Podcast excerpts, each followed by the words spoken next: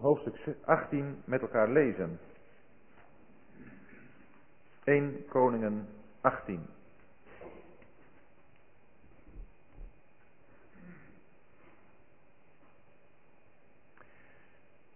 Toen er geruime tijd verstreken was, kwam in het derde jaar het woord des Heren tot Elia. Ga heen, vertoon u aan Agab, want ik wil regen op de aardbodem geven. En Elia ging heen om zich aan Agab te vertonen. De honger nu was sterk in Samaria. Daarom had Agab de hofmaarschalk Obadja ontboden. Obadja was iemand die de Heere zeer vreesde. Toen Izebel de profeten des Heeren uitroeide, had Obadja honderd profeten genomen en hen vijftig bij vijftig in een spelonk verborgen en met brood en water verzorgd. En Agab zeide tot Obadja, trek het land door naar alle waterbronnen en naar alle beken. Misschien zullen wij gras vinden, zodat wij paarden en muildieren in het leven kunnen houden en geen deel van het vee behoeven af te maken. En ze verdeelden onderling het land om erin rond te trekken. Agab ging afzonderlijk de ene kant uit en Obadja de andere kant. Terwijl Obadja op weg was, zie, daar kwam Elia hem tegemoet. Toen hij hen herkende, wierp hij zich op zijn aangezicht en sprak. Zijt gij daar, mijn heer Elia?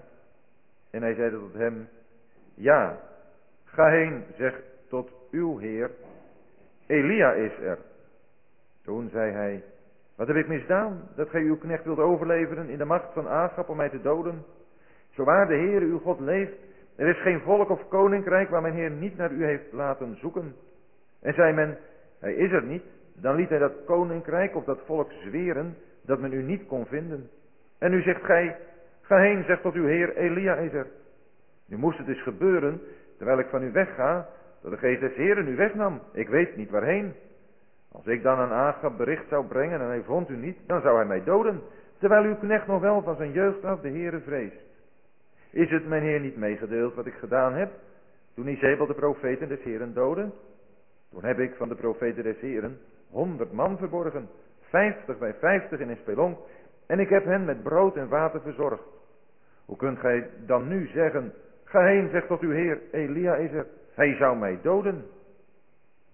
Daarop zeide Elia, zo waar de Heere der Heerscharen leeft in wiens dienst ik sta, heden zal ik mij aan hem vertonen. Toen ging Obadja Agab tegemoet en berichtte het hem, waarop Agab Elia tegemoet ging. Zodra Agab Elia zag, zei Agab tot hem, Zijt gij daar, gij die Israël in het ongeluk stort? Doch hij zei, ik heb Israël niet in het ongeluk gestort, maar gij en uw vaders huis.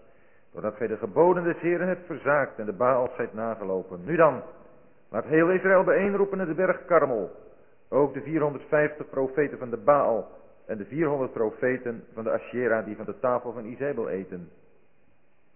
Daarop stond Agab heen onder alle Israëlieten en riep de profeten naar de berg Karmel bijeen.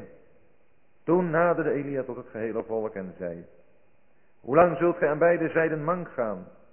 Indien de Heere God is, volgt hem na, maar indien het Baal is, volgt hem na.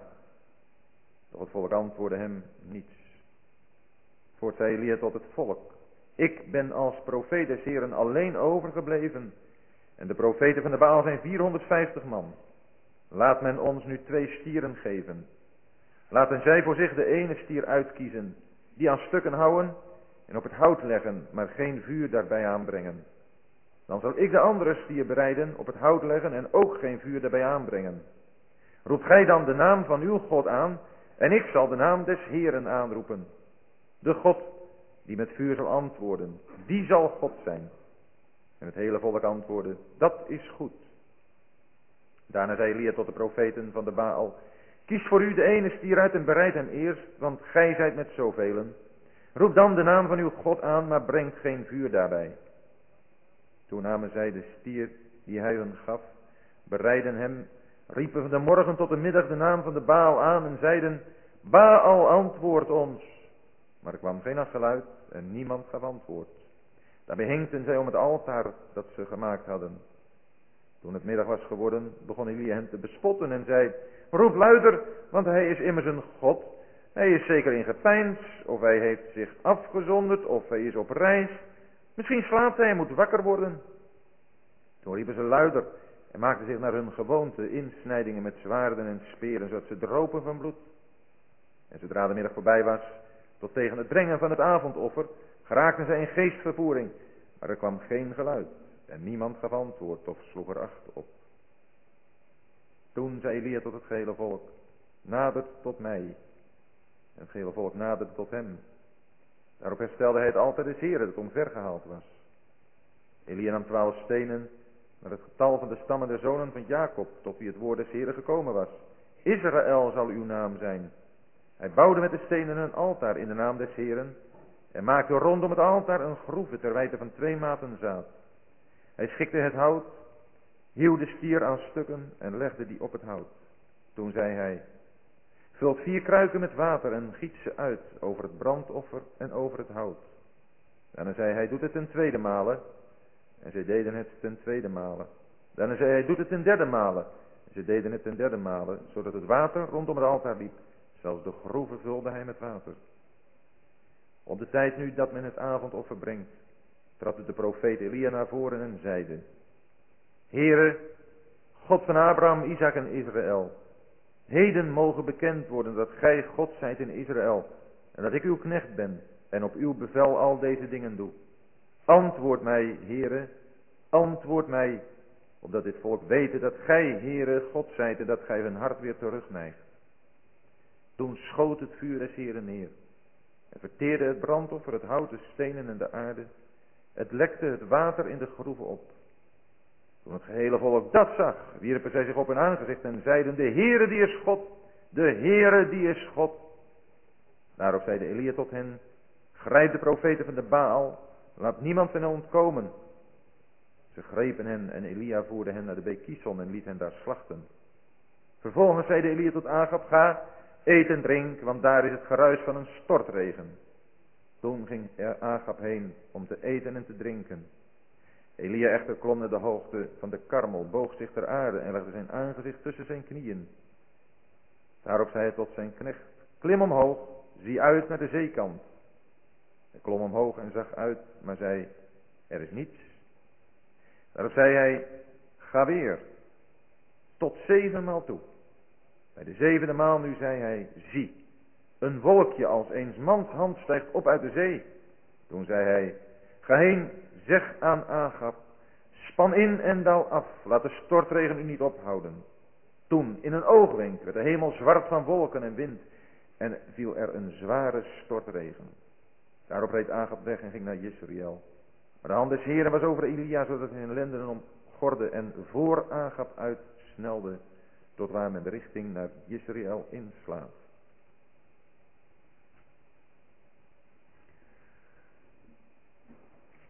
Altijd weer indrukwekkend om deze geschiedenis voor jezelf te lezen. Een hoogtepunt, letterlijk en figuurlijk in het leven van Elia. Een man die voor Gods rechten is opgekomen, zonder compromis. Die Gods rechten heeft gehandhaafd ten aanzien van een goddeloze koning Agab, ten aanzien van een volk waarvan hij zegt dat het op twee gedachten hinkte. Een man die, zoals we dat zo de Heere geeft, volgende keer zullen zien, ook zijn twijfels heeft gehad, zijn dieptepunten. Maar eerst hier dat hoogtepunt. Een machtige geschiedenis. En waar we Elia vinden in een vijftal ontmoetingen die hij heeft. Hij ontmoette eerst Obadja, dan Agab, vervolgens het volk van God, dan die 450 priesters van de Baal en tenslotte God. In die eerste vier ontmoetingen heeft hij gestaan. In die laatste, die vijfde, is hij op zijn knieën gegaan. Vijf ontmoetingen. Waarbij we zien wat de kenmerken zijn van een man Gods. Maar daar gaat het om. God wil ons door deze persoon Elia laten zien wie er voor hem een man Gods is. Een mens waarvan we lezen in Jacobus van gelijke beweging als wij. Wij vinden Elia een geloofsheld en dat is hij ook. Maar God houdt hem ons voor als iemand van gelijke beweging als wij. Van wie we kunnen leren. Leren hoe het moet. Leren hoe het niet moet. Het eerste kenmerk van een man God is dat hij luistert. Dat hij gehoorzaamt. Vers 1 zegt, toen een geruime tijd verstreken was, kwam in het derde jaar het woord des Heren tot Elia. Ga heen, vertoon u aan Agab. In hoofdstuk 17 vers 2 hadden we gelezen dat het woord des Heren tot hem kwam, ga van hier. En toen moest hij zich verbergen, nadat hij zijn boodschap aan Agab had gebracht. Hier krijgt u opnieuw een woord van de Heer, ga heen. En nu, om u aan Agab te vertonen. Elia was niet bang van Agab. Was een machtige man. Maar Elia diende een God die oneindig veel machtiger was dan deze Agab. En Elia mocht naar Agab toe gaan met een geweldige boodschap. Ga heen, vertoon u een Agab, want ik wil regen op de aardbodem geven. Had God dat niet gewoon kunnen doen zonder Elia te gebruiken? Ja en nee. Ja natuurlijk omdat God die regen toch gaat geven. Maar ook nee, omdat Elia die woorden had gesproken.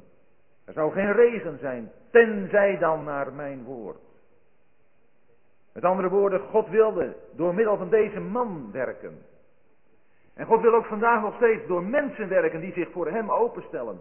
Om zegen te geven. En u en ik, wij worden vanavond aangesproken. Opdat God ons zou kunnen gaan gebruiken om voor zijn volk zegen te geven. Maar voordat hij die zegen geeft, moet er eerst nog het een en ander gebeuren. Elia die gaat erheen om zich aan Agab te vertonen. En de honger is sterk in Samaria, jazeker. Die drieënhalf jaar droogte, ze hebben hun sporen diep getrokken. Daar in het land Israël. Maar we krijgen eerst eens een kijkje bij Agab zelf. Agab, de man door wiens toedoen dit alles en mede natuurlijk door zijn verbindenis met die goddeloze Izebel. Maar door wiens toedoen dit verschrikkelijke oordeel van God over zijn volk heeft moeten komen. En Agab, die meer interesse had in water voor zijn paarden, opdat die niet zouden sterven en ze daar niet er één van zouden moeten afmaken, dan in een volk dat ook zuchtte onder die droogte. Maar Agab, daar weten we het van. Maar we zien bij deze Agab iemand met wie Elia dadelijk een ontmoeting heeft. En dat is ene Obadja. Obadja, die door Agab werd ontboden. Maar voordat we gaan lezen over Obadja en zijn optrekken met Agab, lezen we eerst in vers 3 aan het eind. Obadja was iemand die de Heere zeer vreesde. Met andere woorden, deze Obadja was iemand die in een relatie stond met de Heere. En die ook wilde doen wat de Heer van hem vroeg. Want als je de Heer vreest, dan wil je ook doen wat hij van je vraagt. En het is er in zekere opzicht ook uitgekomen bij Obadja. Want hij had dan toch maar honderd profeten verborgen. Vijftig bij vijftig. En het was natuurlijk een tijd van grote schaarste, geen kleinigheid. Dus we zien in de eerste plaats dat Gods geest hier iets positiefs van Obadja opmerkt. Hij vreesde de Heer. Maar helaas is het eigenlijk het enige positieve.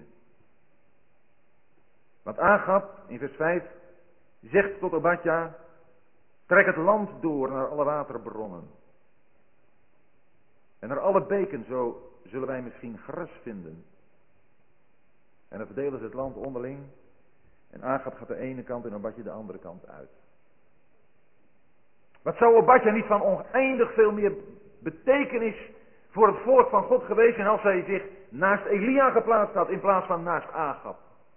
Dan had hij ook het land kunnen doortrekken. Maar dan niet om te gaan kijken naar water voor de paarden, maar om te kijken waar er zielen waren die, die, die honger hadden naar het woord van God. Door deze verbintenis met Agab is Obadja genoodzaakt om zich in te zetten voor een dienst die alleen maar het welzijn van een goddeloze koning op het oog heeft. En het hart van deze goddeloze koning is er alleen maar op uit om voor zichzelf te zorgen. En Obadja, hij gehoorzaamt. Door de positie die hij inneemt, kan hij niet anders dan hem gehoorzamen. En dan komen daar die twee profeten elkaar tegen. Obadja en Elia. Elia komt hem tegemoet.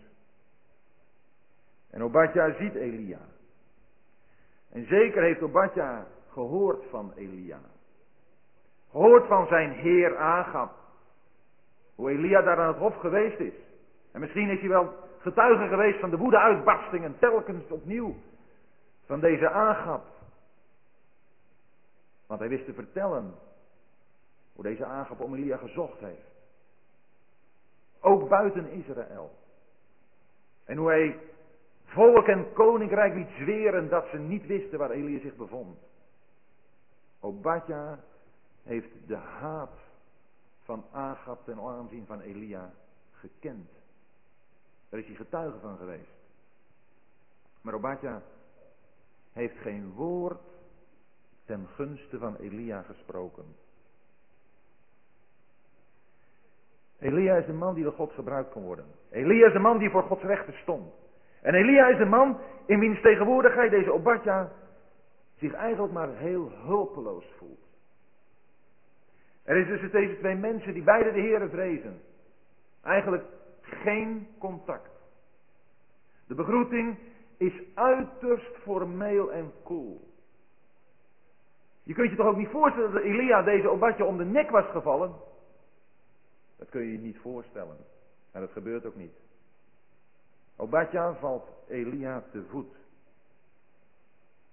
En zegt, zijt gij daar mijn heer Elia?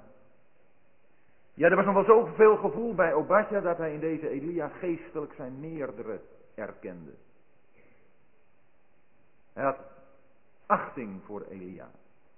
En misschien heeft hij ook wel een gevoel van waardeloosheid ten aanzien van zichzelf gekend, deze Obadja. Dat heb je met mensen die niet radicaal kiezen. Kan er allerlei omstandigheden komen. En misschien weten we dat ook wel uit ons eigen leven. Uit situaties dat wij niet radicaal kozen voor de Heer in een bepaalde omstandigheid. En dat je je achteraf daar zo ellendig van kunt voelen, zo waardeloos. Want deze Obadja die bevond zich natuurlijk in een dusdanige positie. Daar was hij helemaal mee vergroeid. En dat is helemaal erg. Elia zegt tot hem in vers 8 na de vraag, zijt gij daar mijn heer Elia? Ja. Verder geen enkele plichtpleging. En dan komt er een opdracht voor Obadja. Ga heen, zeg tot uw heer. Obadja had Elia genoemd. Zijt gij dan mijn heer Elia? En Elia zegt, je moet goed luisteren, ik ben jouw heer niet.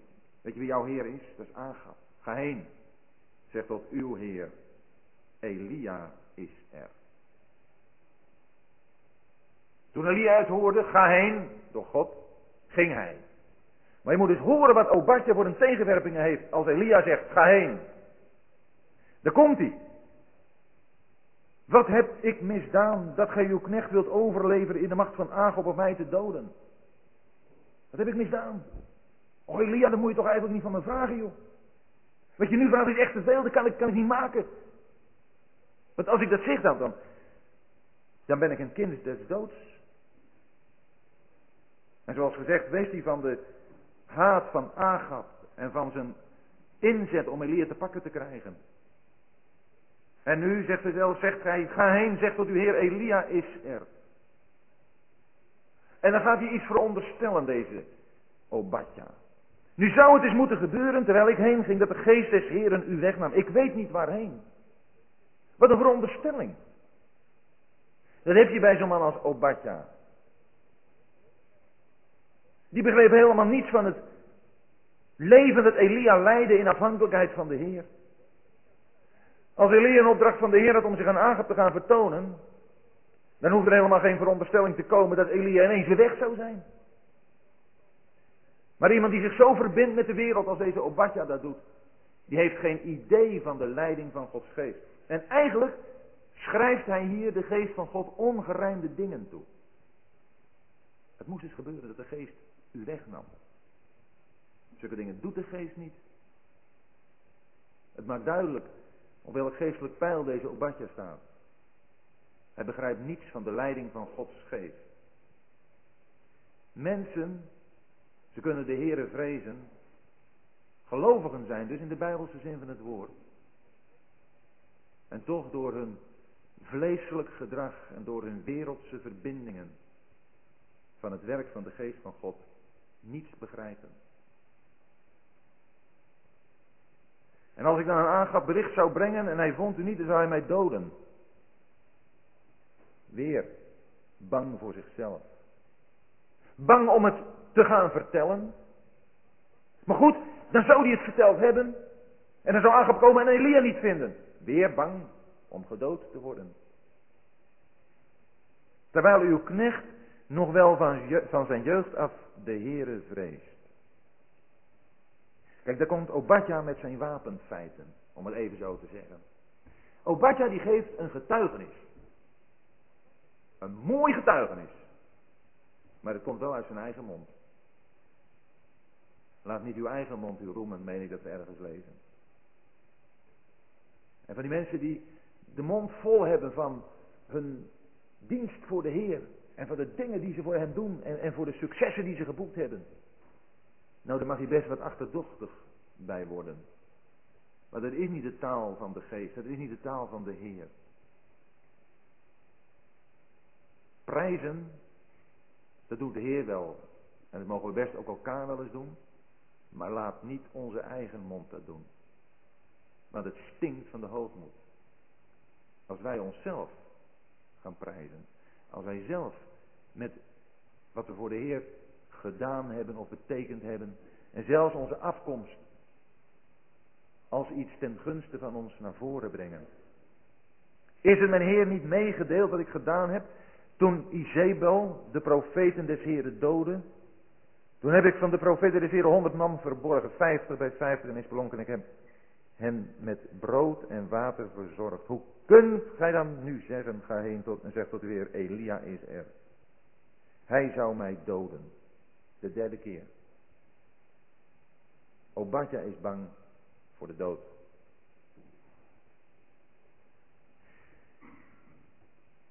En Elia antwoordt, zo waar de Heere der Heerscharen leeft. Elia stond in verbinding met het leven. Omdat hij in verbinding stond met de Heer van het leven.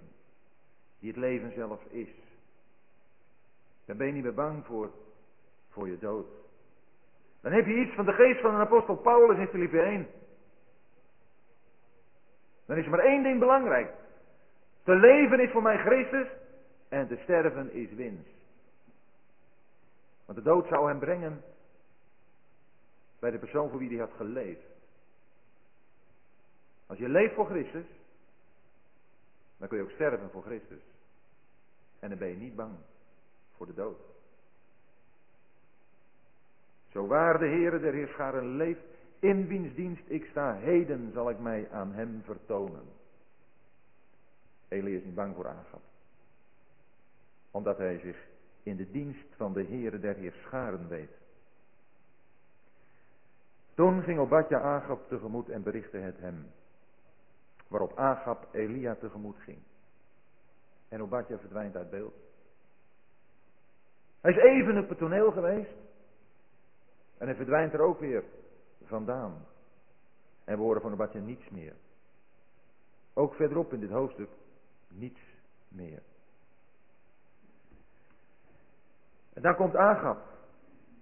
Zodra Agap Elia zag, zei Agap tot hem, zijt gij daar, gij die Israël in het ongeluk stort? Ja, zulke taal had Agap nooit naar Abadja's oren geslingerd. Die had Obadja niet te horen gekregen. Wat Obadja hoorde was de stem van een man die hem gebruikte. En Obadja was een man die zich liet gebruiken. Maar Elia krijgt het naar zijn hoofd geslingerd. Ben je daar, broeder van Israël? Die Israël in het ongeluk stort. Er is nog iemand van wie dat in de Bijbel staat. Maar daar is het niet een goddeloos iemand die dat zegt. Daar is het de geest van God zelf die het zegt, van Agam. Die wordt ook de beroerder van Israël genoemd. Toen hij van het verbannen nam. Toen Israël in het beloofde land was aangekomen en Jericho had veroverd. Die bracht een ban in het leger. Die deed iets waardoor er schuld kwam te liggen op het hele volk. En hier bestaat Agap het om Elia dat toe te dichten. Alsof hij de oorzaak van de ellende van het volk was. Maar onverschrokken zegt Elia. Ik heb Israël niet in het ongeluk gestort, maar gij en uw vaders huis. Doordat gij de geboden des Heren hebt verzaakt en de Baals hebt nagelopen. Direct pareert Elia dit antwoord met het duidelijk maken van de situatie zoals die werkelijk is. Agap was degene die het volk in het ongeluk had gestort. En Elia is niet alleen niet bang van Agap, maar Elia geeft ook Agap een opdracht. Hij geeft hem de opdracht, nu dan laat Israël bijeen roepen naar de berg Karmel. Ook de 450 profeten van de Baal en de 400 profeten van de Asherah. Die van de tafel van Izebel eten. Het lijkt erop dat het verder alleen maar die 450 profeten van de Baal zijn die zijn komen opdagen. Maar Elia geeft Agab deze opdracht en Agab gehoorzaamt. Hij roept alle profeten naar de berg Karmel. En daar komt het volk. En nadert tot Elia. En dan zegt Elia dat volk. Die woorden die in de Statenvertaling nog wat mooier klinken. Hoe lang zult gij nog op beide gedachten hinken? Wanneer komt nu eens een keer die definitieve keus? Je ziet het voor je, hè? Elia op die berg. Het hele volk daar zwijgend bij hem. In afwachting van wat er gaat gebeuren. Een volk dat zich verzoend had met een situatie waarbij God eigenlijk niet meer bestond. En de Baals werden gediend. En daar staat een man. één man. En die beschuldigt het hele volk. Of daagt hen uit. Wanneer kiezen jullie nu eens een keer? En zo komt het eigenlijk ook naar ons, naar mij toe. Wanneer kiezen wij nu eens een keer? Om radicaal voor de Heer te gaan leven. Wat zijn de dingen in ons leven die het verhinderen om ons helemaal aan hem uit te leveren? Ieder van ons weet dat, denk ik, het beste zelf. Wees in elk geval radicaal. Als de Heere God is, volgt hem daarna. En als Baal God is, volgt hem daarna.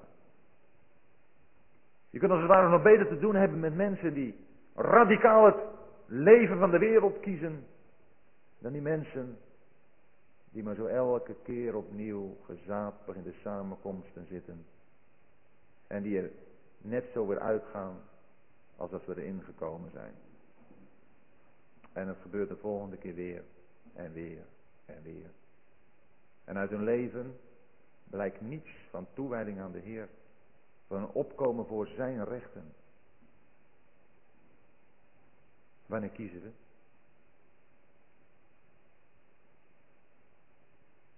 De Heer wil u en mij tot een keus brengen. Tot Laodicea wordt gezegd, waar jullie maar koud of heet. Waren jullie maar koud of heet. Omdat je lauw bent, zal ik je uit mijn mond spugen. Kies. Kies alsjeblieft. En als je verkeerd kiest, het klinkt een beetje gek natuurlijk. Maar kies alsjeblieft dan bewust verkeerd. Als je maar radicaal bent. Maar doe iets. Dat halfslachtige, dat is zo dodelijk voor het geheel. En wij moeten met onszelf geconfronteerd worden. In deze geschiedenis ook.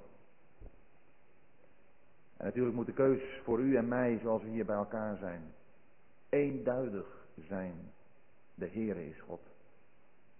Want Hij is degene die voor ons gezorgd heeft tot nu toe. Hij is degene die zich nog met ons bezighoudt. Die zich voor ons inzet. En die ook een avond als deze wil gebruiken om, om ons opnieuw aan zich te verbinden. Oh, dat volk van God, dat in zijn massa zo halfslachtig is. Zo op twee gedachten hinkt. Zo aan beide zijden dus ook mank gaat. Want het is niet een evenwichtige wandel. Wanneer je een beetje van de wereld wilt hebben en een beetje van God. Het is niet dat God dat kan gebruiken. Ergens in de profeten staat dat God zijn volk door Ephraim zegt, jullie zijn een niet gekeerde koek. Met andere woorden, aan de ene kant ben je bruin gebakken en aan de andere kant ben je nog week. Dat is Gods volk. Aan beide zijden mank gaan. Dat zijn wij. Omdat we niet radicaal kiezen. Voort zeide Elia tot het volk. Ik ben als profeet alleen overgebleven. En de 400 profeten. En de profeten van de Baal zijn 450 man. En dan komt Elia met zijn voorstel. Om het volk tot de overtuiging te brengen wie nu werkelijk de Heere is. En om ze daarmee ook te bewegen tot die keus die goed is, die goede keus. Maar een keus die, die ook duidelijk zal laten zien wat de andere keus waard is. En hij geeft het wel om twee stieren te laten brengen. En de profeten van de Baal, die mogen de eerste stier klaarmaken op het hout leggen. Alleen er wordt afgesproken dat er geen vuur bij aangebracht wordt. En na deze confrontatie met het volk, als Elia zo zijn voorstellen heeft gedaan, in vers 24 roept gij dan de naam van uw God aan. En het volk heeft geantwoord, dat is goed. Treedt het volk als het ware terug. En wordt het nu een confrontatie van Elia met deze 450 priesters van de Baal. Ook dat moet je je voorstellen. 450 mensen, dat is nog een forse partij. 450. En dat tegenover die eenling daar, die de rust zelf is, die de initiatieven neemt en die zegt hoe het moet gaan gebeuren. En er wordt geluisterd naar hem. Er is geen enkele tegenspraak meer. God is aan het werk. God beheerst dit toneel. Door middel van zijn knecht Elia.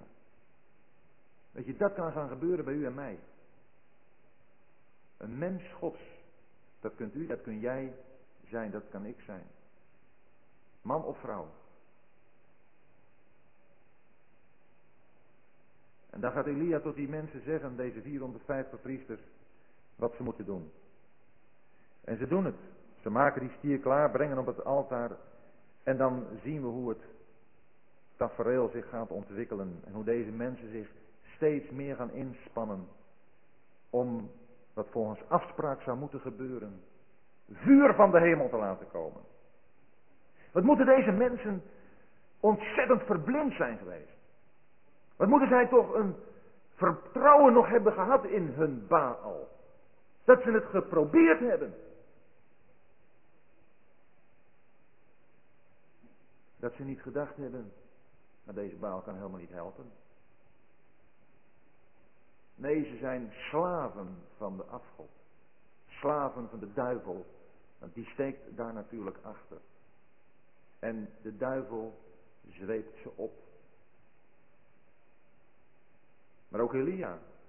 Elia begint op een zeker moment deze mensen te bespotten. En je zou kunnen afvragen, is dat nu een klein beetje hoogmoedig van Elia? Een klein beetje onvoorzichtig? In dit geval is dat het niet. Want voor het hele volk dat daar staat toe te kijken. Kijk, wij weten de afloop. Dat, dat laat voor ons de spanning er een beetje uit. Maar je moet je voorstellen dat je de afloop niet weet. Dat het nog allemaal moet gaan gebeuren. Dat volk moet er ademloos hebben staan toe te kijken. En het zal een spektakel geweest zijn op zich. 450 mensen. En met dansen en springen en gek doen. Zichzelf ook insnijdingen maken. Dat zal een lawaai geweest zijn. Maar Elia komt er bovenuit met zijn stem als hij gaat spotten. Gewoon een beetje luider roepen.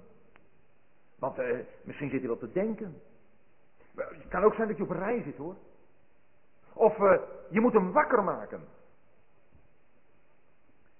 Het zijn allemaal uitdrukkingen om duidelijk te maken dat buiten God er op niets en niemand een beroep gedaan kan worden. En soms moeten mensen ook uitdagen. En het zeggen, nou joh, je vertrouwt daar toch op? Nou, laat het dan maar eens zien. En lukt het nog niet zo best? Nou joh, dan moet je hier nog een beetje meer inzetten. Er moet nog een beetje meer activiteit komen. En, eh, en dat is wat Elia hier natuurlijk doet. Hij maakt tegelijkertijd deze Baal belachelijk. Deze afgod. Als iemand die afwezig zou kunnen zijn. Als iemand die in slaap verzonken zou kunnen zijn, of in gedachten en in slaap zou kunnen zijn. Dus iemand waar je niet altijd bij terecht kunt. Iemand die je toch wel eens zou kunnen laten zitten. En dat doet alles en iedereen buiten God. Want wij kunnen onszelf ook wat dat betreft vergissen. In het zoeken van een oplossing voor onze nood, voor onze problemen. Daar moeten wij soms ook wel eens ontnuchterende ervaringen opdoen. Daarmee zijn we natuurlijk niet direct dienaars van Baal geworden. Maar we kunnen toch ook nog wel eens een keer ons vertrouwen op iets of iemand stellen buiten God. Ze maakten zich zelfs insnijdingen en kwamen in geestvervoering. Maar zegt vers 29 aan het eind. Er kwam geen geluid.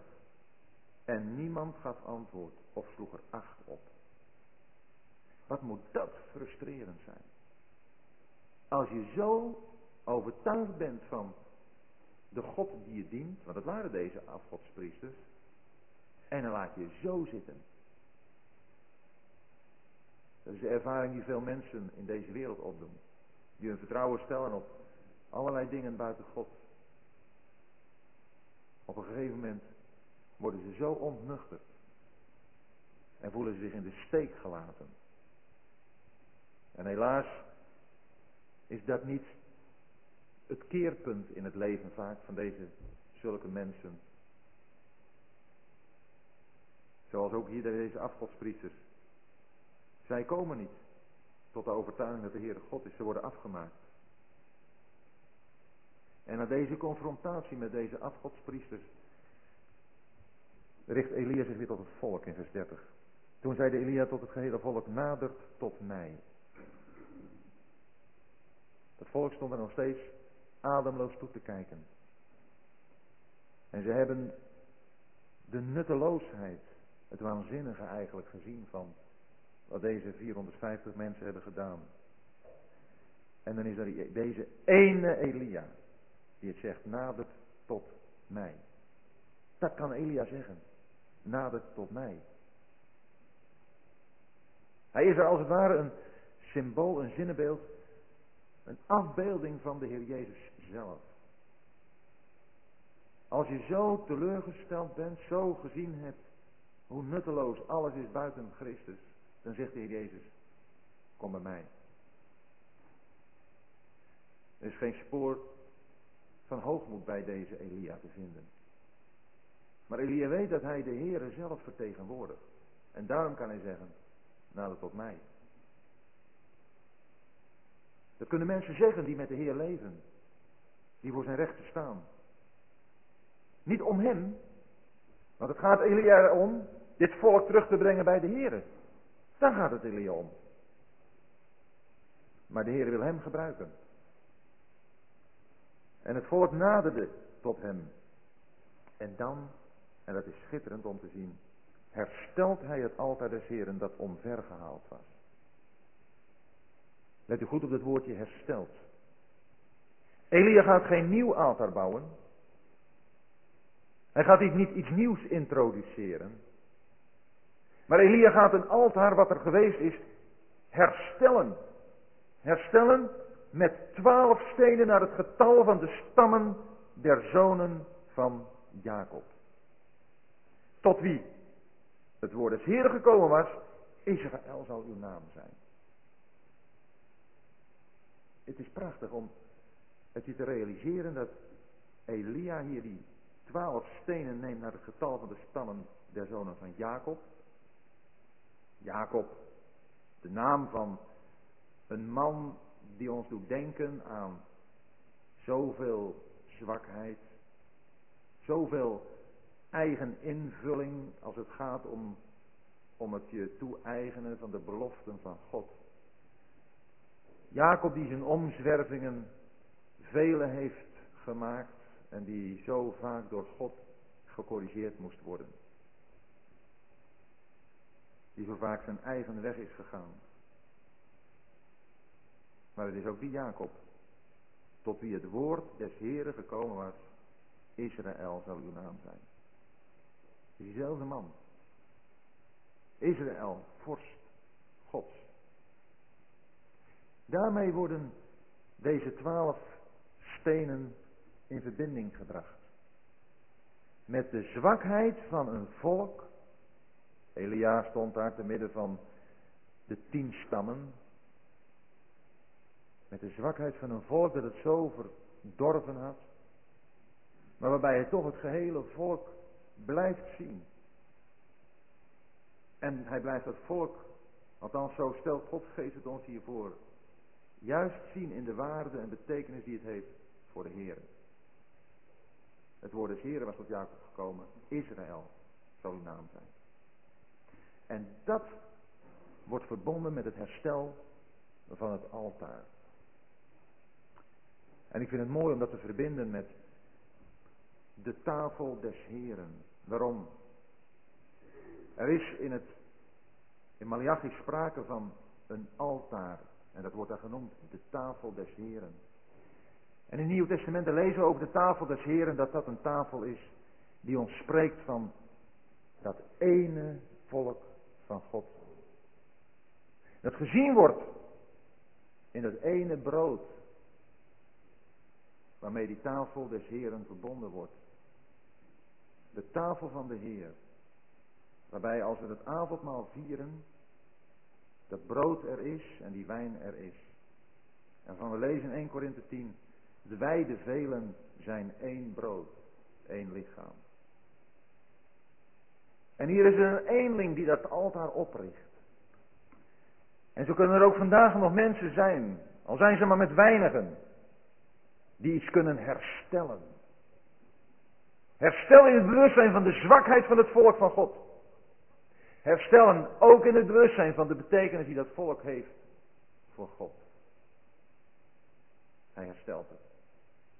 Dan richt je niet iets nieuws op, maar dan neem je hierin de schrift als uitgangspunt, als basis.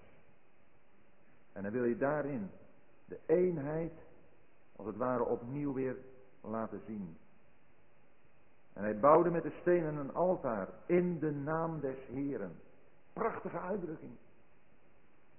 Ja, het doet mij denken aan wat we lezen in Matthäus 18. Want waar twee of drie samenkomen tot mijn naam, daar ben ik in het midden van hem. Al zijn het er maar twee of drie. Twee of drie. Deze Elias alleen. Al zijn er maar enkelen. We kunnen die plaats weer innemen. Te midden van een christenheid, zoals gezegd, die op twee gedachten hinkt. En waarvan ook veel gevonden wordt van wat we in Obadja, wat we in Obadja vinden. Van die vermenging tussen de wereld en christen zijn.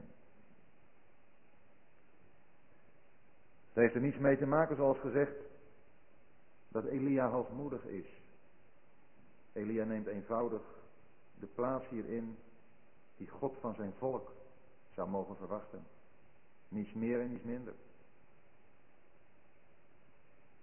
Het was het altaar des Heren, zegt vers 30, dat omvergehaald was.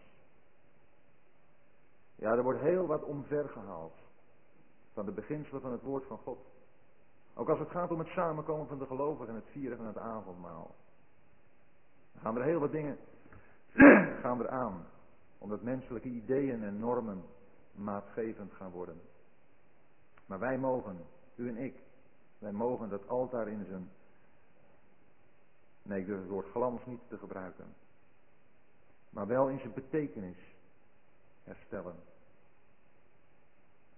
En hij maakte rondom het altaar een groeve ter wijte van twee maten zaad.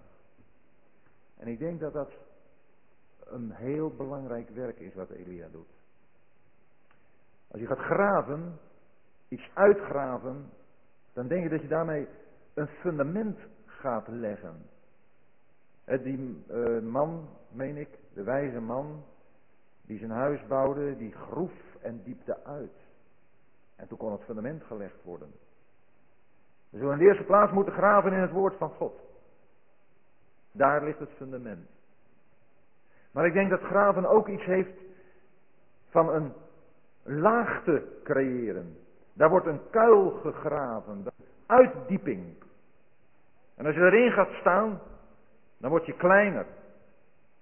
Dat betekent dat als je bezig bent met het altaar, dan denk ik dat je alleen maar dat altaar oprecht in zijn betekenis kunt handhaven als je zelf klein bent. Als zelf heel klein wordt. Als zelf van geen betekenis wordt. Ter wijte van twee maten zaad. En het zaad spreekt denk ik van wat vrucht gaat geven. Dan komt er vrucht voor God als een getuigenis. Getal twee. Twee maten zaad. En dat, dat, die groeven die worden dadelijk gevuld met water. En misschien kunnen we het ook in ons persoonlijk leven wel zo zeggen. Er moet bij ons best gegraven worden. In onszelf. Er moeten dingen uit ons leven verdwijnen. Er moet ruimte komen, ruimte gemaakt worden om het woord van God tot ons te kunnen laten komen. Dat het woord van God, waar we van gezongen hebben, zijn inwerking in ons kan hebben.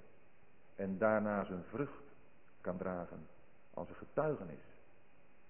Verbonden hier met het altaar. Dan weet u het getuigenis van dat ene lichaam. Wat we tot uiting brengen door het breken van het brood.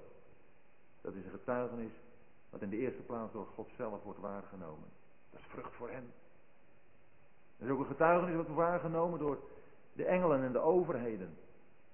Het is getuigenis wat waargenomen wordt door ieder die daarbij aanwezig is.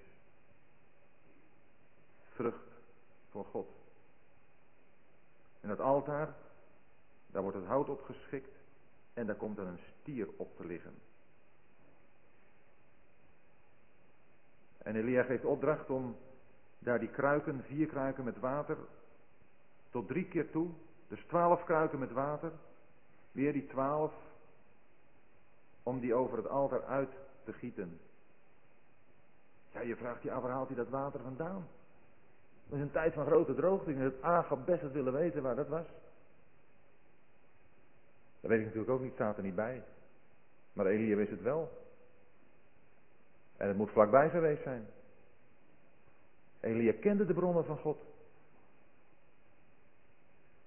En die vier kruiken, dat is twaalf kruiken, dat was beslissend een klein beetje.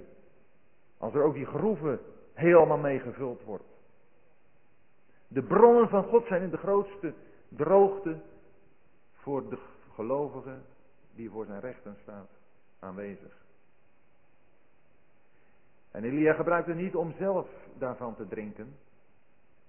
Maar Elia gebruikt het om een getuigenis te geven van God. Dat hij er is. Dat hij leeft.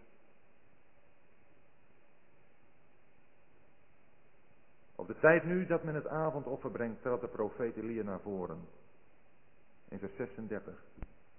En dan krijg je dat korte, machtige gebed. Dat is eigenlijk niet eens een gebed, het is een aanspraak die hij maakt. Tegenover die lange tijd die die afgodspriesters tot hun baal hebben geroepen. Met zoveel bidt Elia een kort en krachtig gebed. En hij doet dat op de tijd dat men het avondoffer brengt. Ook dat is schitterend. Weet u wanneer nog meer een avondoffer gebracht wordt? In Ezra 9. In Ezra 9 wordt ook ten tijde van het avondoffer iets zeer opmerkelijks waargenomen. Zo lezen we daar dat op het tijd van het avondoffer in Ezra 9 Ezra zijn kleren scheurde. Want hij was ter orde gekomen hoe daar in het volk van de teruggekeerden in Jeruzalem er mensen waren die zich op een onheilige manier met de volkeren hadden verbonden. De ontrouw was groot onder het volk en Ezra boog zich daaronder. En we lezen het, meen ik, ook van Cornelius in Handelingen 10. Dat hij op de tijd van het avondoffer verhoord wordt. Cornelius was een godvruchtig man. En hij krijgt de boodschap, ten tijde van het avondoffer, Cornelius, je gebeden en je aalmoezen zijn tot God opgestegen ter gedachtenis. En ik meen ook dat het in Daniel 9 staat, dat Daniel, ook in dat indrukwekkende gebed van eenmaking met het volk, eenmaking met de zonden van het volk waar hij geen deel aan had, dat op de tijd van het avondoffer Daniel daar antwoord krijgt. En hier ook, op de tijd van het avondoffer bidt Elia dit gebed. En dit avondoffer, dat is het dagelijks brandoffer wat s morgens en s avonds gebracht werd. En hier dus het avondoffer. En dat doet ons denken aan de Heer Jezus. Want het is een brandoffer, het dagelijks brandoffer, wat ons spreekt van de Heer Jezus in wie Hij voor God is in zijn werk op het kruis. Hoe God hem heeft gewaardeerd in dat werk wat hij heeft gedaan. En het brandoffer het laat ons zien dat God zijn volk aanziet in zijn zoon en het offer dat hij bracht. God kan nog met het volk dat het zo verdorven heeft te doen hebben omdat er dagelijks de reuk van dit brandoffer tot hem opstijgt. Waarom kan God nog met u en mij als volk van God te doen hebben? Omdat hij nog elke dag herinnerd wordt aan wat de Heer Jezus eens deed op het kruis van Golgotha.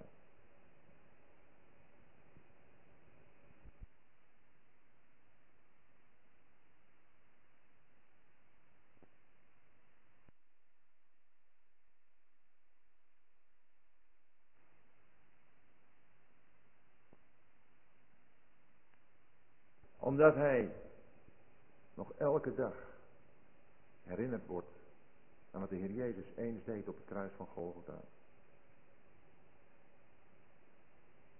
Daarom alleen. En weet u, en dat zeg ik ook tegen mezelf, nu we daar zo over nadenken, dat moeten wij, dat moet ik meer doen. God herinneren aan het brandoffer. Brengen wij dagelijks ons brandoffer, s morgens en s avonds. Vertellen wij God wie de Heer Jezus is in zijn werk op het kruis en hoe hij daar God heeft verheerlijkt. En dat dat de enige grondslag is waardoor God nog met ons van doen kan hebben. En op grond waarvan hij gaat verhoren. Er wordt verhoord. En het is de tijd van het brandoffer. Het brandoffer, zoals gezegd, dat spreekt van de Heer Jezus in zijn werk op het kruis.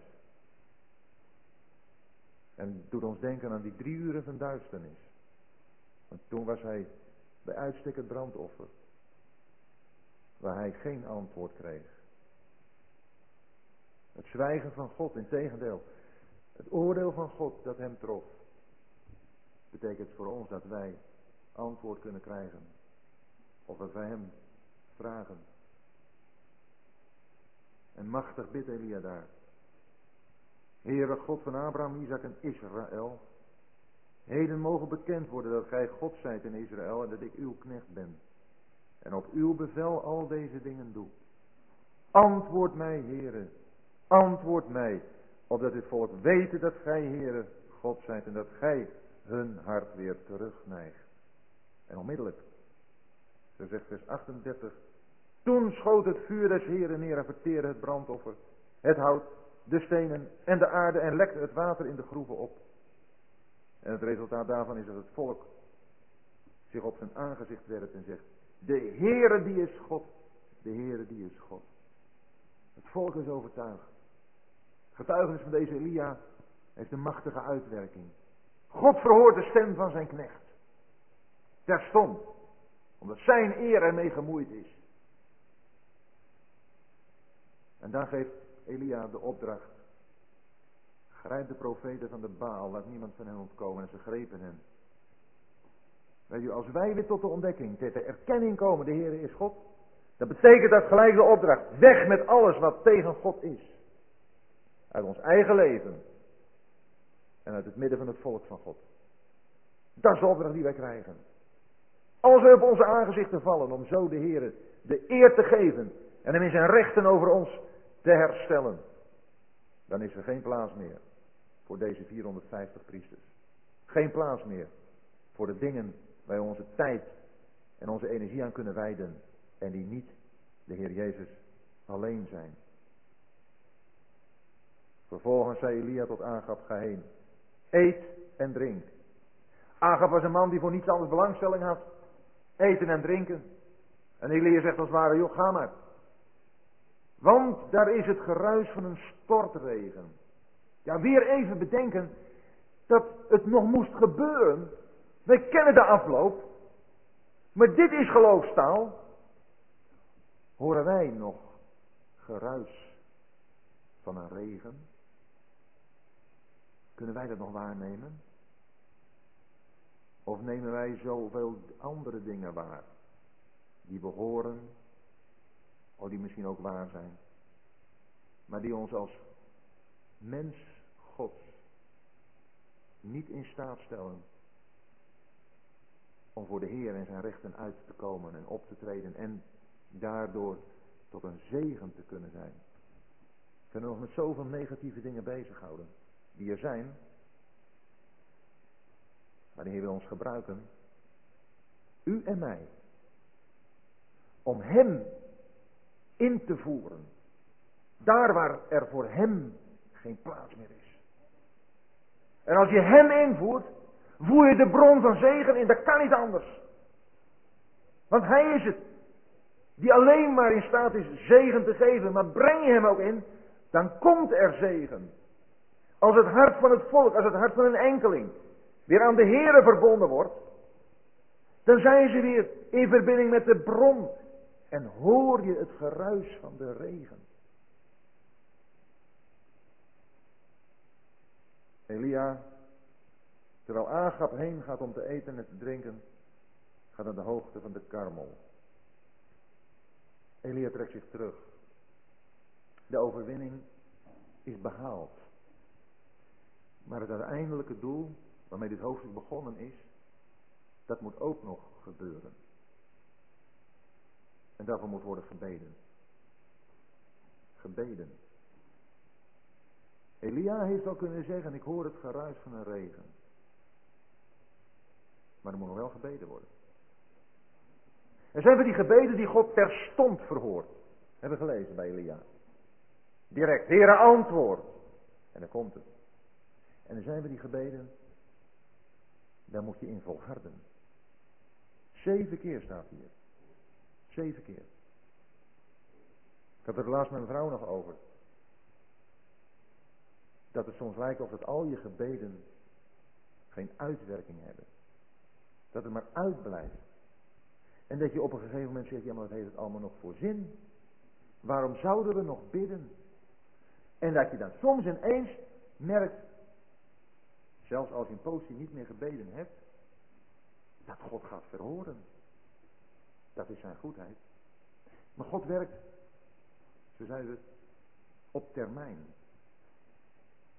De gebeden, die zijn voor God niet vergeten. Zoals we aanhaalden bij Cornelius, uw gebeden en aalmozen zijn voor God in gedachtenis gekomen. En ik weet niet hoe lang de maal gebeden heeft.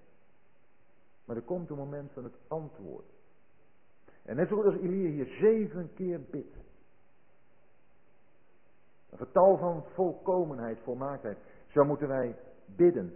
En door blijven bidden. Volharden bidden. Dat moeten wij. En erop vertrouwen dat hij hoort. En telkens, telkens wijst hij zegt hij tegen zijn knecht, van wie iemand zei, mogelijk dat dat de zoon van de weduwe is, aardige gedachte. Maar hij zegt tegen de knecht, klim omhoog en zie uit naar de zeekant. En die jongen die gaat, maar hij ziet niets.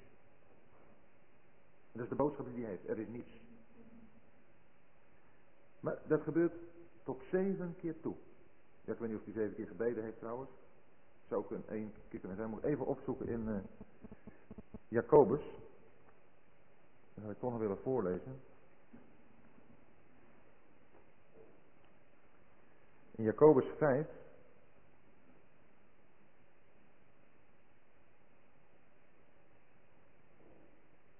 Ja, in vers 18 staat het toch in het enkelvoud.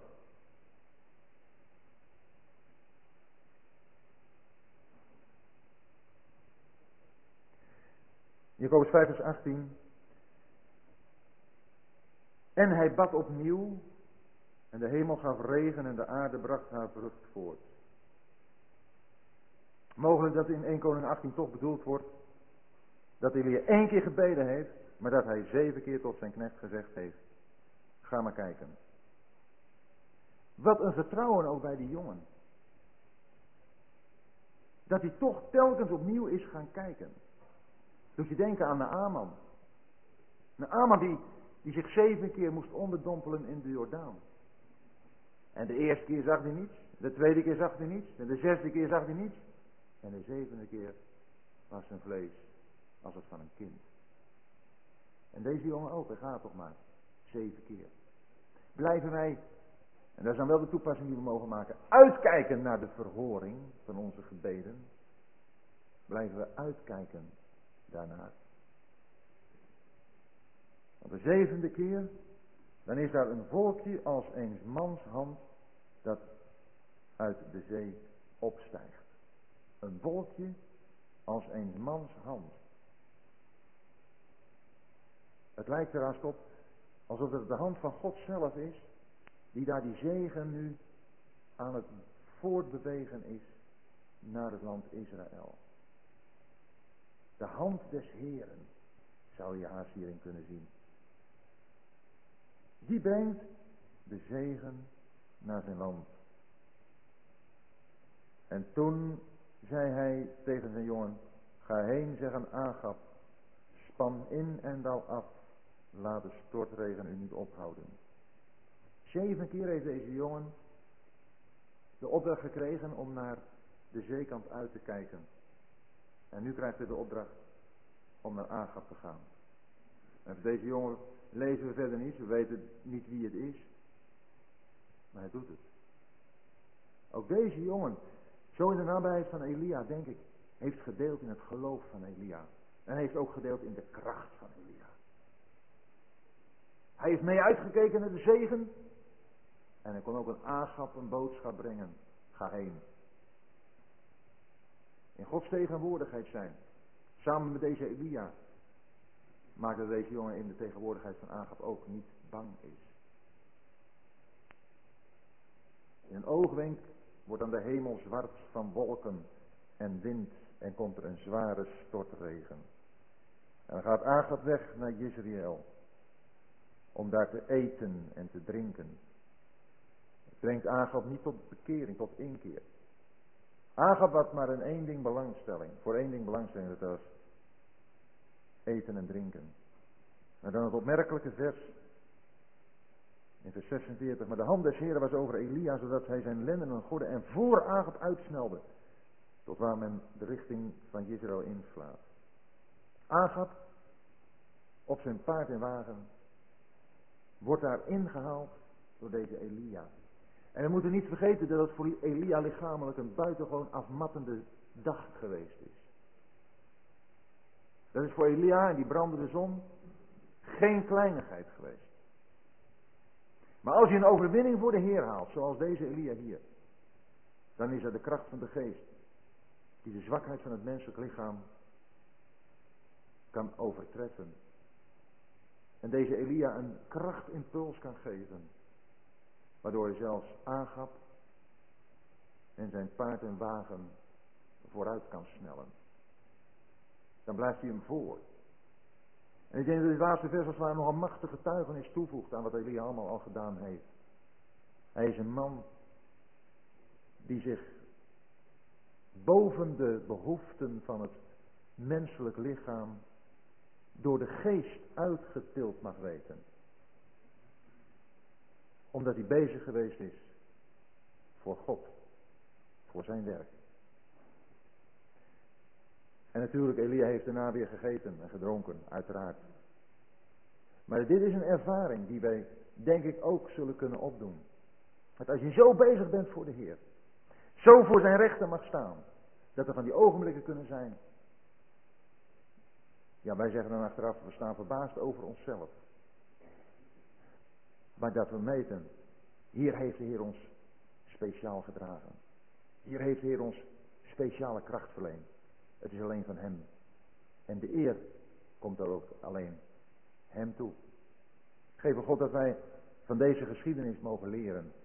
Om in de verschillende ontmoetingen die we in Elia gezien hebben. Met de verschillende mensen en groepen van mensen. Ook voor de rechten van God te staan. En dat we leren van de ontmoeting die Elia met God gehad heeft. Om voor God te knielen en klein te worden. Om zo tot nut te zijn voor het volk. Om dat terug te brengen naar het hart van God. Tot zijn eer en tot onze vreugde.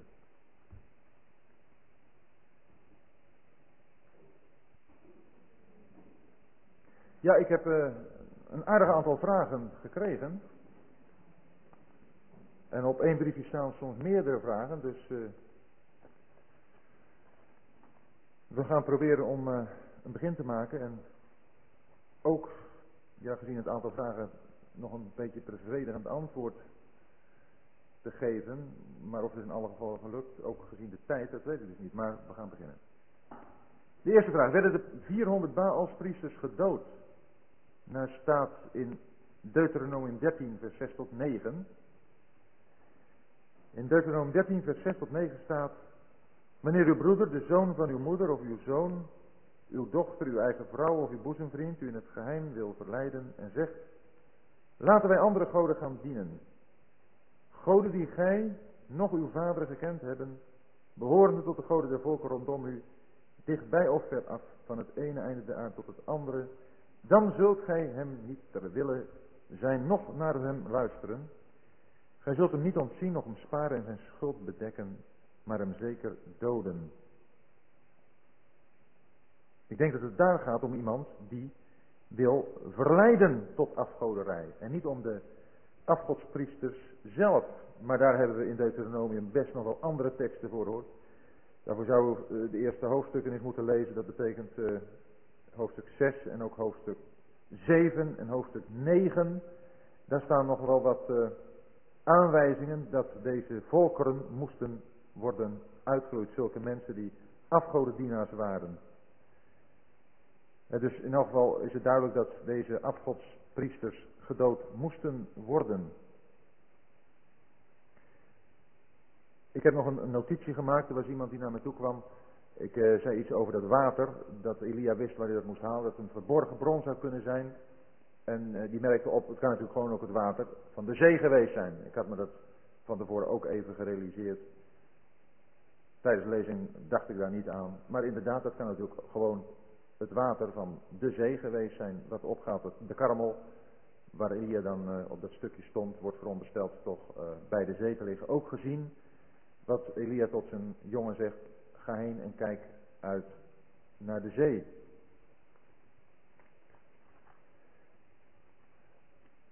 Wij als wij lezen in vers 3 dat Obadja de Heer zeer vreesde, en wij lezen in vers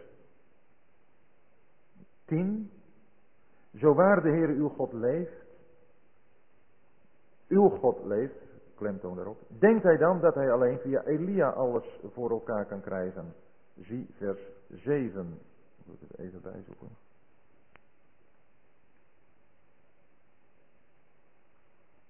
In vers 7 hebben we gelezen, toen Obadje op weg was, zie, daar kwam Elia hem tegemoet. Toen hij hem herkende, wierp hij zich op zijn aangezicht en sprak, zijt gij daar mijn heer Elia? Het is uh, alsof Elia een soort tussenpersoon was tussen Obadja en de Heer. Heeft hij dan nooit begrepen dat de Heere God ook zijn God wil zijn? Nou, ik denk dat Obadja dat toch wel begrepen heeft, gezien ook het feit wat er staat, dat hij de Heere zeer vreesde aan het eind van vers 3, toch dus. Maar hij had niet die relatie met de Heere die Elia met hem had. En dat is hem ook uh, ja, opgebroken in zijn hele verhouding, in zijn hele optreden aan het hof van Agab. Hij had er trouwens ook niet een gering baantje als hofmaarschalk. Dus of hij nooit begrepen heeft dat God ook zijn God wil zijn. Ik denk dat hij het wel begrepen heeft, maar dat hij er geen uiting aan gegeven heeft. Dat het voor hem niet op die manier leefde als het voor Elia heeft geleefd. En dat is ook iets wat we vandaag de dag, denk ik, kunnen ontdekken en waarnemen. Dat er mensen zijn die hun leven echt helemaal uitleveren aan de Heer en anderen, ja, die nemen het er toch wat gemakkelijker van. Het Nieuwe Testament laat dat ook zien, bijvoorbeeld in Paulus, die zijn hele leven had uitgeleverd aan de Heer, die daarvoor zelfs in de gevangenis terecht kwam. En dat er waren die, zoals 2 Timotheus zegt, die hem verlieten. Alle die mij, hebben mij verlaten, alle die in Azië zijn. Die wilden niet met zo'n fanatiekeling verbonden zijn. Dat ging me een beetje te ver. Zo hoefde het toch eigenlijk ook niet. En dus, er kan best het bewustzijn zijn dat God je God is. Maar het daar uiting aan geven, dat ook in de praktijk beleven, dat is toch echt nog een tweede. Hoe gaan wij er in deze wereld tegen, in de tegenwoordige tijd, of zeker tegenwoordige tijd mee om, als de werkgever aan je vraagt om iets te doen wat eigenlijk niet in je levensstijl past? Omdat het niet volgens de wandel van God gaat. Hoe gaat men hier dan mee om, zodat je je baan toch weet te behouden? We zijn toch ook bevreesd, of durven soms niet ons uit te geven als christen. Ja, dat is, uh, dat is waar, denk ik. Als een werkgever iets van je vraagt, wat niet past bij je levensstijl, dan denk ik dat in de eerste plaats, en ja, wat je daarvoor zou moeten invullen, weet ik niet. Uh, de achtergrond van de vraag ken ik niet. Maar we kunnen allemaal situaties hebben waarbij er gevraagd kan worden aan ons om dingen te doen waarvan we moeten constateren, dit kan ik eigenlijk niet doen omdat dat iets is wat tegen het woord van God ingaat. je zou uh, kunnen denken aan een boekhouder in een bedrijf. En uh, die krijgt te horen van zijn baas, joh, je moet toch een beetje gaan knoeien met de cijfers, want anders dan komen we in de problemen. Uh, ja, dan, dan zul je moeten aanvragen, kan ik dat doen? En ik denk dat je tot de conclusie zult kunnen komen, nee, dat kan ik niet doen. Nou, dat kan zelfs zo gaan dat je moet bang zijn je baan te verliezen. Maar ik denk dat één heel belangrijk ding is, hoe wij tegen onze baas dat zeggen. Als we denken aan Daniel en zijn vrienden, die moesten uh, daar een aantal dagen bij uh, Nebukadnezar zijn en uh, ook van de spijzen van de tafel van Nebukadnezar eten en toen vroeg ze daarvan ontheffing. Maar als je dat leest in Daniel 1, hoe ze dat deden, dan kun je daarvan leren. En dan kun je ook uh, misschien wel verwachten dat je toch een stukje respect van je baas zult krijgen in het feit dat je eerlijk wilt zijn. En uh, daarmee komt je getuigenis als christen natuurlijk heel duidelijk tot uiting. Dan heb ik het nu over het plegen van malversaties, waar ook de Nederlandse wet gewoon straffen op stelt. Maar soms liggen dingen een stuk subtieler moeilijk te controleren. Waarbij er een gunst gevraagd wordt die, die lijkt op een gunst. En waarbij als je dat niet doet, je toch eigenlijk wel heel onchristelijk zelfs bezig bent. Wel, en dan toch te weten dit of dat, vraagt de Heer van mij. En dan nee te zeggen. Maar nog eens, op een manier, zoals we dat in Daniel 1 van een Daniel leren. Als we een baan hebben, als we een werkgever boven ons hebben, dan is uh, het altijd belangrijk voor ons als christenen om te gehoorzamen vanuit een houding van onderdanigheid. En dat is natuurlijk wel iets wat vandaag de dag enorm wordt aangevochten. Want we hebben eigenlijk alleen maar onze rechten op te eisen. Plichten hebben we nauwelijks meer. dus het gaat om, om het eh, hebben van een houding waaruit ons christen zijn blijkt.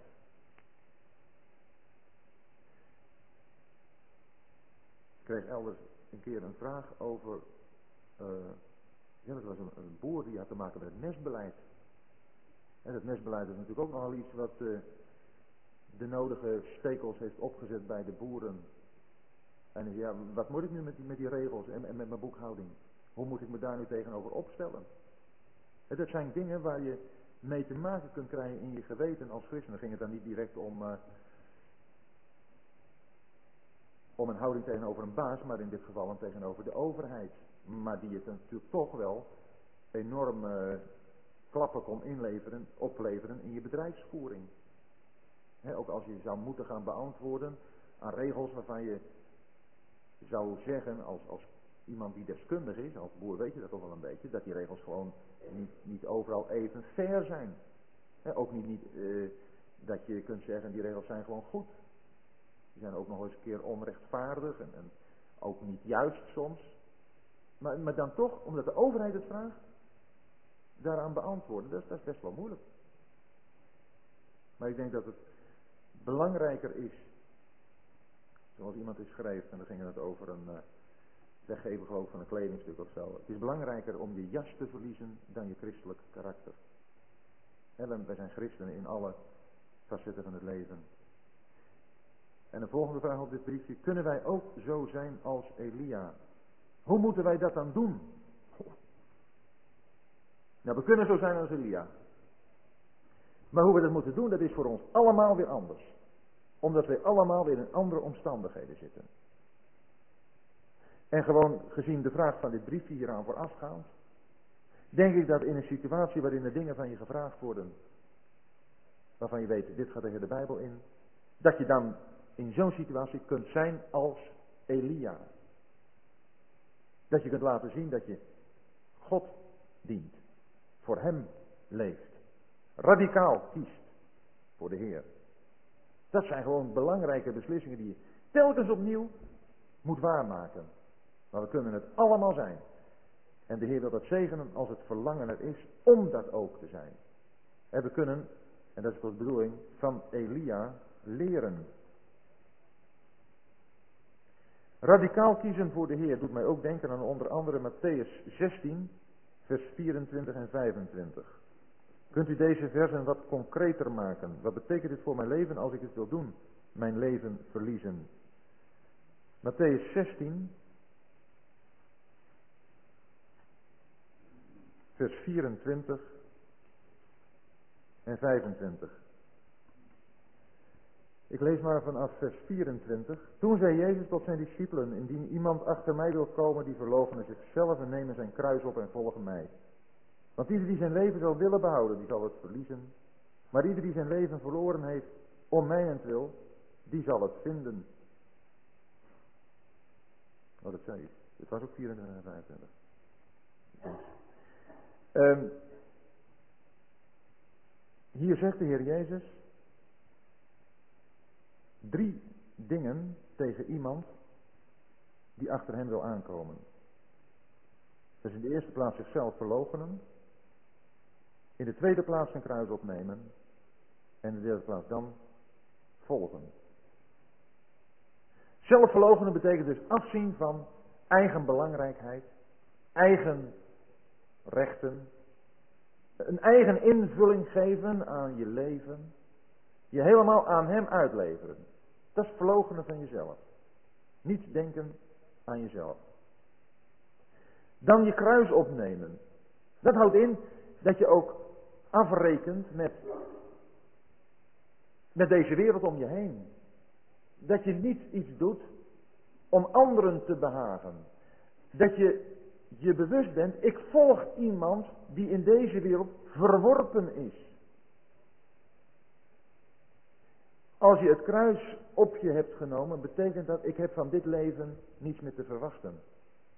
Iemand die in de oude tijd tot de kruisdood was veroordeeld en die met het kruis op zijn rug naar de plaats van de terechtstelling liep, daarvan wist iedereen, dit is een man die heeft van dit leven niets meer te verwachten. En er was ook een man, die kon rustig bespotten en belachelijk maken. Daar kon je mee doen wat je wilde. Het kruis op je nemen doe je bewust zelf. Hè? Dat wordt ons niet opgelegd. Die moet zijn kruis opnemen. Met andere woorden, toch die weg van smaad en verachting gaan. Dus niet alleen niet denken aan jezelf, maar ook een weg van smaad en verachting willen gaan. En dan kun je volgen. Dan kun je volgen. En dat is, want ieder die zijn leven zal behouden, zal het verliezen. En die het zal verliezen, verloren heeft om mij wil, die zal het vinden. Wel, het leven in, in dit verband betekent het leven voor jezelf.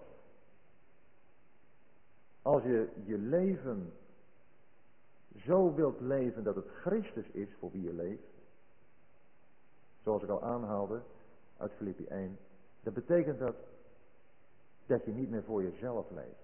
Dan heb je je leven wat dat betreft verloren. Je leeft niet voor jezelf. En, en ja, dat is natuurlijk heel radicaal hoor. Dat is heel radicaal. Maar dan ben je niet meer te beledigen. Dan ben je ook niet meer door het slijk te halen. Dan ben je niet meer te passeren. Dan kunnen ze over je lopen. Oh, dat gaat behoorlijk ver. Maar als je je leven verloren hebt,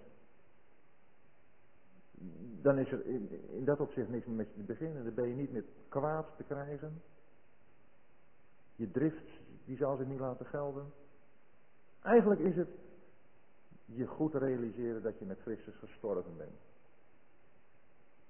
Met Christus gestorven bent. Dan heb je je leven echt verloren. En dat in de praktijk waarmaken. Wel, dat is heel radicaal. Maar ik denk dat het goed is om ons dat voor de aandacht te hebben. Want daar ligt ook de kracht in om aan ons verlangen uiting te kunnen geven. Het verlangen om echt alleen voor de Heer te leven. Als wij altijd het sterven van Jezus in het lichaam omdragen, dan wordt ook het leven van Jezus in ons sterfelijk lichaam openbaar, zegt 2 Korinthe 4. Ja, dat is, uh, ja, dat is toch iets wat we moeten leren. Maar als het verlangen er is, dan wil de Heer ons geven dat ook echt te leren. Zo voor hem te leven. Mijn leven verliezen. Afzien van eigen eer, eigen belangen. En alleen voor de Heer leven. Waarom werd er water gesprenkeld en tot in de groeven? En waarom werd al het water ook uit de groeven opgelekt? Uh, ik denk dat dat water bij dat offer gevoegd werd om elke uh, gedachte aan, uh, aan trucjes, om het zo maar te zeggen, kan worden uitgesloten. Er was nergens waar Elia ook maar een klein vuurhaardje, bij wijze van spreken, nog zou kunnen hebben. Het moest duidelijk zijn dat het vuur was van de hemel. Dat het offer enzovoorts verteerde, dat neerdaalde. En niet op de een of andere stiekeme manier vanuit een andere hoek dit vuur zou kunnen worden ontstoken. Dus heel praktisch maakt het water wat erop gesprenkeld wordt het tot een onmogelijkheid dat iemand van de omstanders of Elia zelf vuur daarbij zou kunnen brengen, waardoor dat offer zou worden verteerd. Twee, Agap ging heen om te eten en te drinken, vers 42. Agap reed weg, vers 45. Waarom twee keer? Ja, dat weet ik ook niet, uh, niet zo goed. In vers 42 ging Agap heen. En in vers 45 daarop reed Agap weg.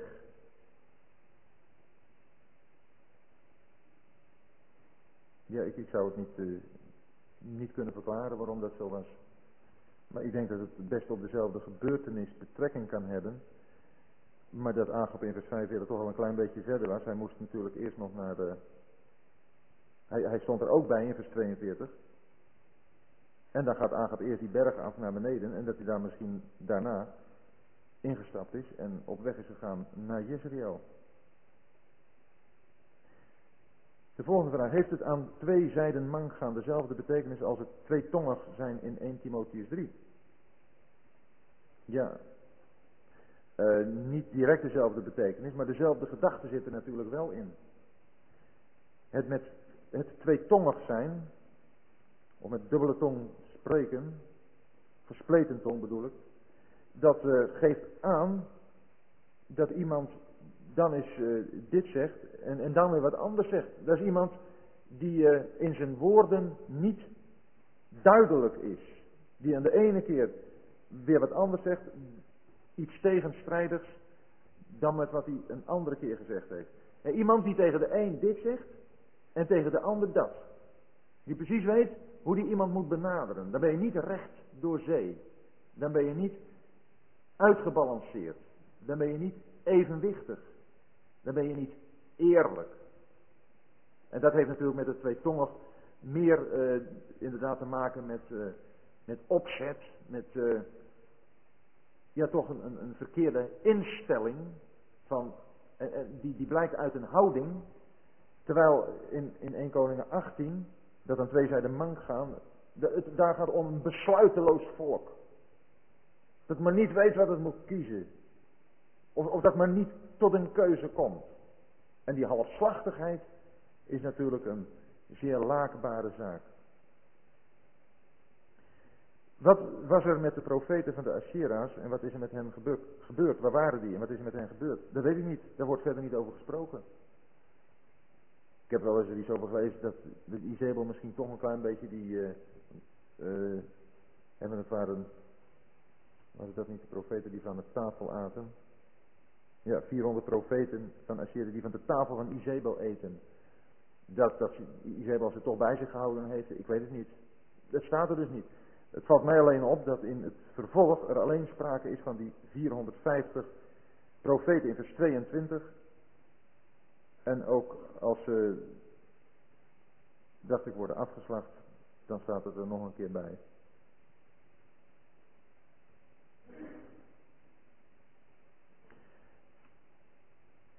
Heeft spot, de volgende vraag, toch niet vaak een diepe val ten gevolg? Hoofdstuk 19. Ja, er was ook een broeder die naar me toe kwam, die, uh, die zei, ja, je hebt, uh, mijn inziens, Obadja toch wel een klein beetje te zwart afgeschilderd. Maar er staat toch maar dat hij de heren vrezen. Ja, toen heb ik proberen toch voor mezelf een beetje duidelijkheid te, te geven. Ehm, dat het mij erom ging een vergelijking te maken tussen Elia en Obadja. En dat in die vergelijking Obadja toch wel uh, heel zwak uit de verf komt. Buitengewoon zwak. En ja, ik, uh, ik zou niet graag op Obadja willen lijken. En ik wil heel graag op Elia lijken. Ik hoop u ook.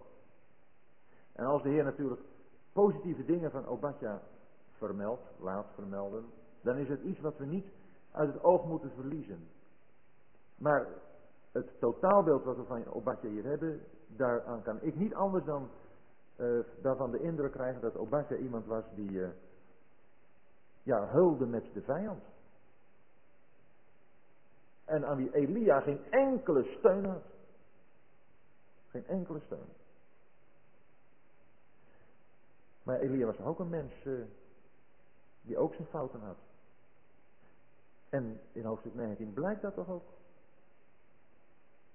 He, als Obadje zegt een paar keer van nou en dan zal ik gedood worden. Ja, Elia die vluchtte toch ook op het woord van een vrouw. En die vluchtte ook om zijn leven. Elia was ook bang voor zijn hagje. Ja, Elia was een mens van gelijke beweging als wij. Maar we hebben Elia hier eerst op de karmel en dan toch echt maar alleen. Hij is toch echt de enige die voor God uitkomt. En toch echt maar degene die door God gebruikt kan worden en door God verhoord wordt. En toch echt de enige door wie het volk tot de beleidenis komt. De Heere die is God, de Heere die is God. En daar gaat het om. Dat heeft Obadje niet voor elkaar gekregen. Verre van dat. Dat kon Elia doen. Door zijn absolute en radicale keus voor God. Dat hij daarna toch fout, dat is alleen maar des te ernstiger. En het wordt Elia ook heel wat zwaarder aangerekend dan Obadja. Maar we hopen daar een volgende keer met elkaar nader over na te denken. Juist omdat het zo'n man van groot geloof was en vertrouwen op de Heer, wordt het hem zo ernstig kwalijk genomen als hij daarin faalt. Ik heb ook even herinnerd aan, aan Mozes. Het volk was maar keer op keer hardnekkig. Keer op keer in opstand. Maar Mozes mocht na één opstandige daad, en waar we dan nog zoveel begrip voor kunnen hebben, toch het land niet in. Want hij had de Heer niet geheiligd voor zijn volk. Kijk, dat is natuurlijk ook de andere kant.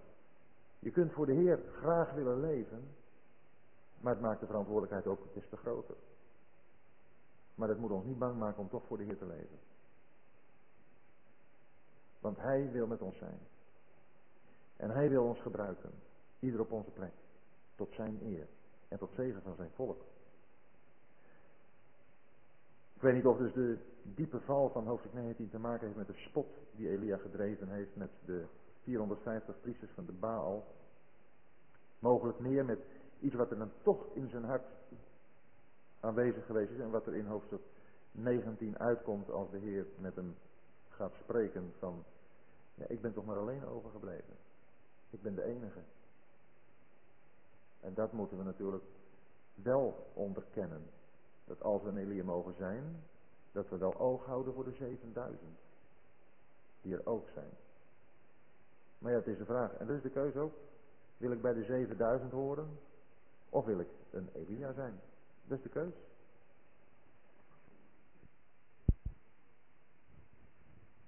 Ik, heb niet zoveel verstand van uh, allerlei rituele uh, zaken, maar ik weet wel dat, uh, en dat, dat hoor je natuurlijk ook wel over, over Afrika en de binnenlanden, dat men een idee heeft dat hun God toch ook op een bepaalde manier bloed moet zien. En dat, dat zo'n God ook een stukje bevrediging geeft.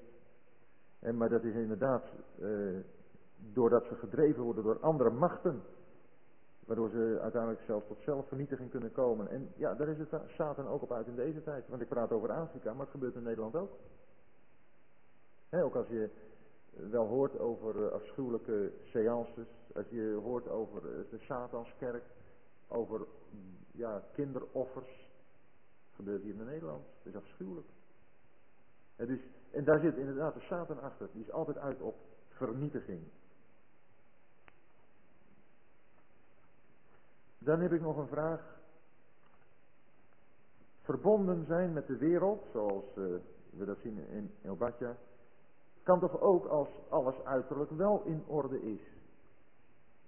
Ik heb het in de lezing een beetje toegepast op uh, wanneer we met de wereld verbonden zijn, meedoen, dat we dan niet een echt getuigenis voor de Heer kunnen zijn.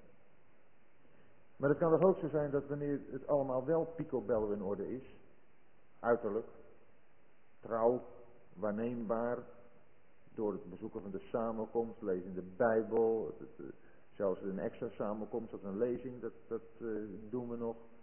En toch is er iets wat ontbreekt. En uiterlijk ook uh, wat je van elkaar kunt zien. Dat, dat kan er allemaal keurig uitzien. En toch kan er iets ontbreken. Dan kan de wereld nog in het hart zitten. De wereld in ons hart, in ons denken. In de manier van omgaan met elkaar. Ook dan kunnen we niet tot een echt getuige voor de Heer zijn. Dan uh, kan het ook zijn dat we op christelijk terrein de goede plaats innemen. Maar het kan fariseïsme worden. Het kan zo worden dat het een kille beleving wordt. En dat er buiten ons niets goed is. Dat is ook een groot gevaar. Dan kunnen we uiterlijk, uitwendig, kunnen we het allemaal met de vorm allemaal in overeenstemming met de Bijbel hebben. Maar als de innerlijke beleving er niet is, heeft het geen waarde. Dat betekent niet dat de vorm belangrijk is. Overal waar de Bijbel over spreekt als vorm en de inhoud, daar hoort het bij elkaar. Innerlijk en uiterlijk horen bij elkaar. En het uiterlijk moet, moet een weerspiegeling zijn van het innerlijk. En anders is het huichelarij. En dat is afschuwelijk. En het is een nog ergere zonde dan dat we radicaal de wereld ingaan. Jazeker. Want huichelarij is, is een van de meest afschuwelijke dingen die er zijn. Je netjes voordoen, net als een farisee, en van binnen vol roof en onmatigheid zijn. Dat zegt hij tegen de fariseeën. En die waren stipt in het houden van allerlei dingen. Maar ze aten de huizen van de weduwen op. En dat zijn natuurlijk een goede fariseeën. Maar de Heer heeft het daar over de leer van de fariseeën. Dat wat ze predikten. Terwijl zij in hun leven er geen rekening mee hielden. En dat was niet te zien door de mensen om hen heen, want daar werden ze door gewaardeerd. Maar de Heer zag hun hart. En hij zag dat deze mensen het deden voor zichzelf. En dat is de wereld. De wereld leeft voor zichzelf. En daar sluit de kring zich. Dat een leven voor jezelf. En of dat nu in uitspattingen is, in liederlijkheid, of om een goede naam te hebben tegenover anderen. Het is de wereld. En dan kunnen we niet als een getuigenis voor God in deze wereld zijn. En zullen we ook niet aantrekkelijk zijn voor de mensen van deze wereld. Zullen wij niet kunnen zeggen, nader tot mij. Dat kon Obadja niet zeggen. Obadja kon niet zeggen, nader tot mij. Dat kon Elia zeggen. Omdat hij zich afgezonderd had. Afgezonderd van het kwaad. Maar wel voor de Heer.